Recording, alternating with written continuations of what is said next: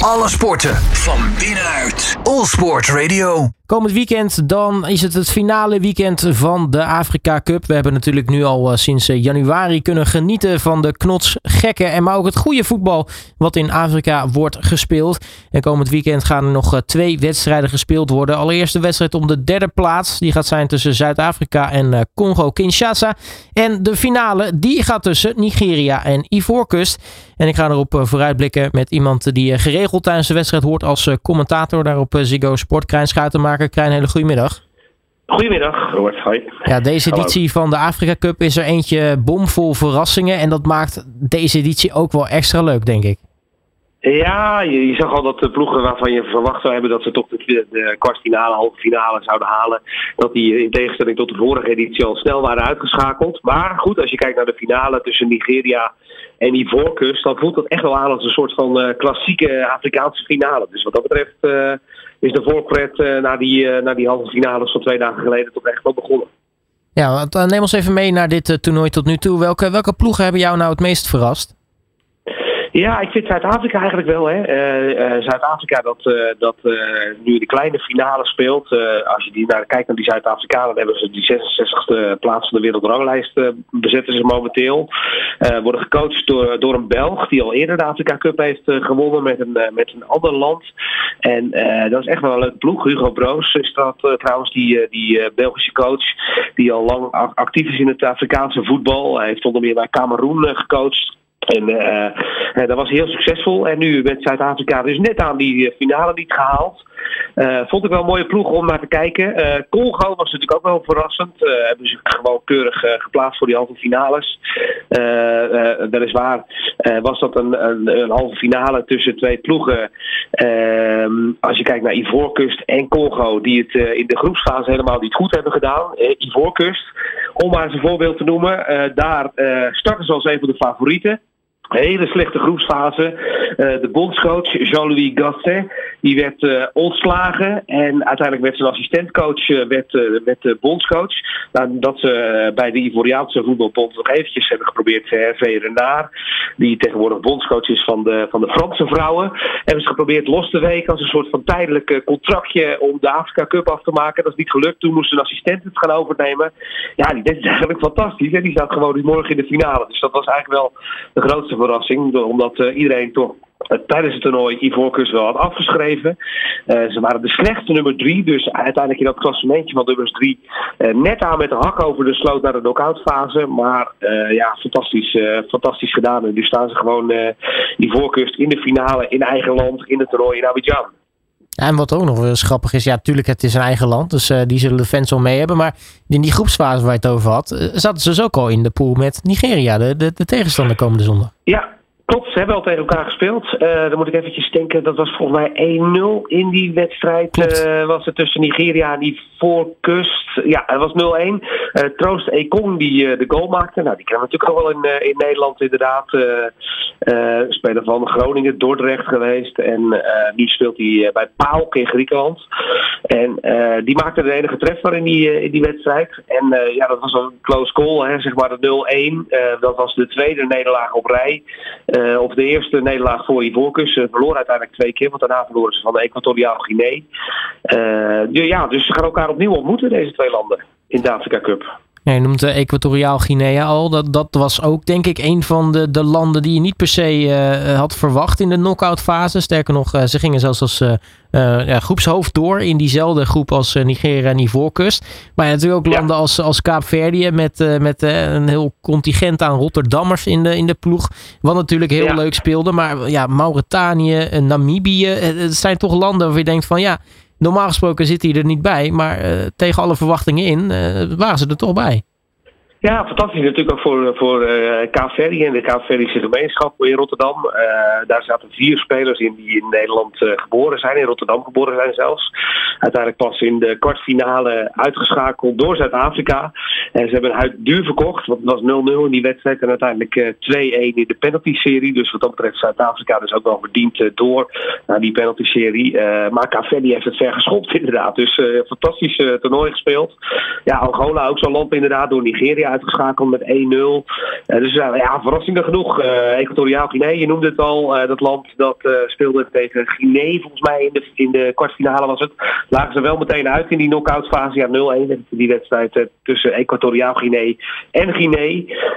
waardoor Guinea uiteindelijk naar de uh, kwartfinale ging tegen Congo. Dat was weer geen probleem voor Congo. Dus het ging echt alle kanten op. Met uiteindelijk een mooie uitkomst. Nigeria aan die voorkust in de finale.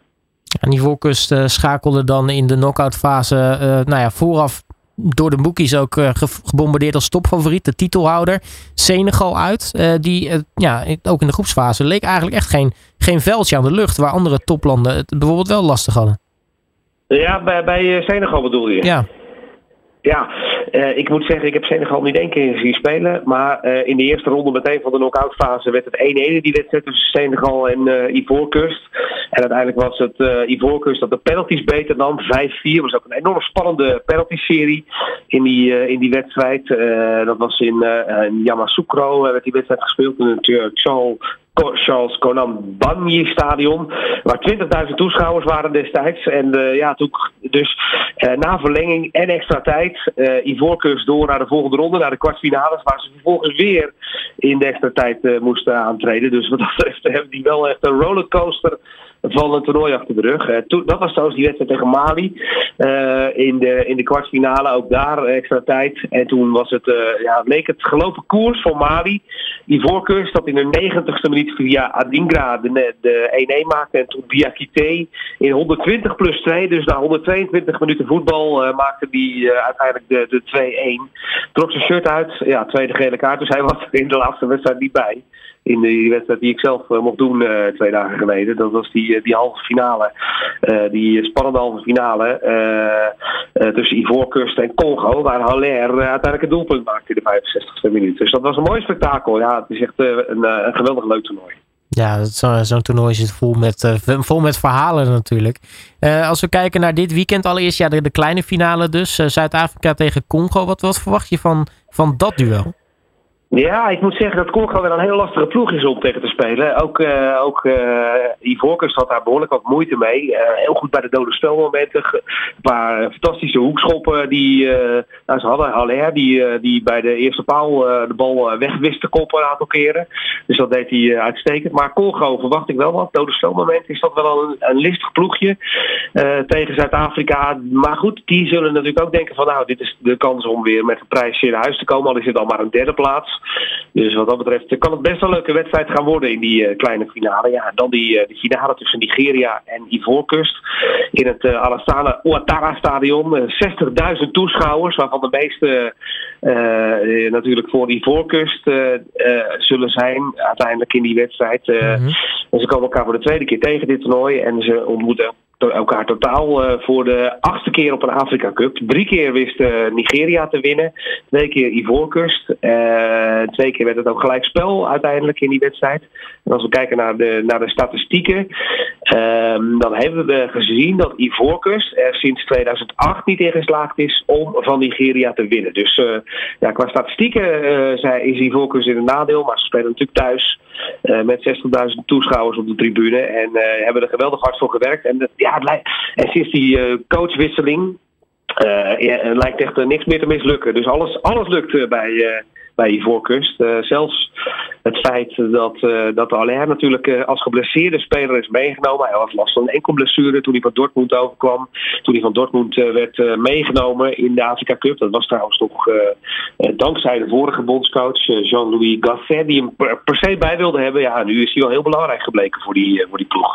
Dus het is echt een mooi affiche in, in Ivoorkust. Zo'n wedstrijd tussen Nigeria en Ivoorkust. Ja, en die statistieken, ja, de, de, statistieken zeggen gelukkig niet alles hè, in het voetbal. Dus, uh, want het zou eerlijk is eerlijk toch wel het verhaal wel compleet maken. Hè? Dat je ja, na een groepsfase in een toernooi, dat je nou ja, echt, echt, echt op, op, op, op de streep door bent. Um, en, en, dat je dan nog een coachwissel doet in het toernooi. En dan uiteindelijk nog het toernooi weet te winnen.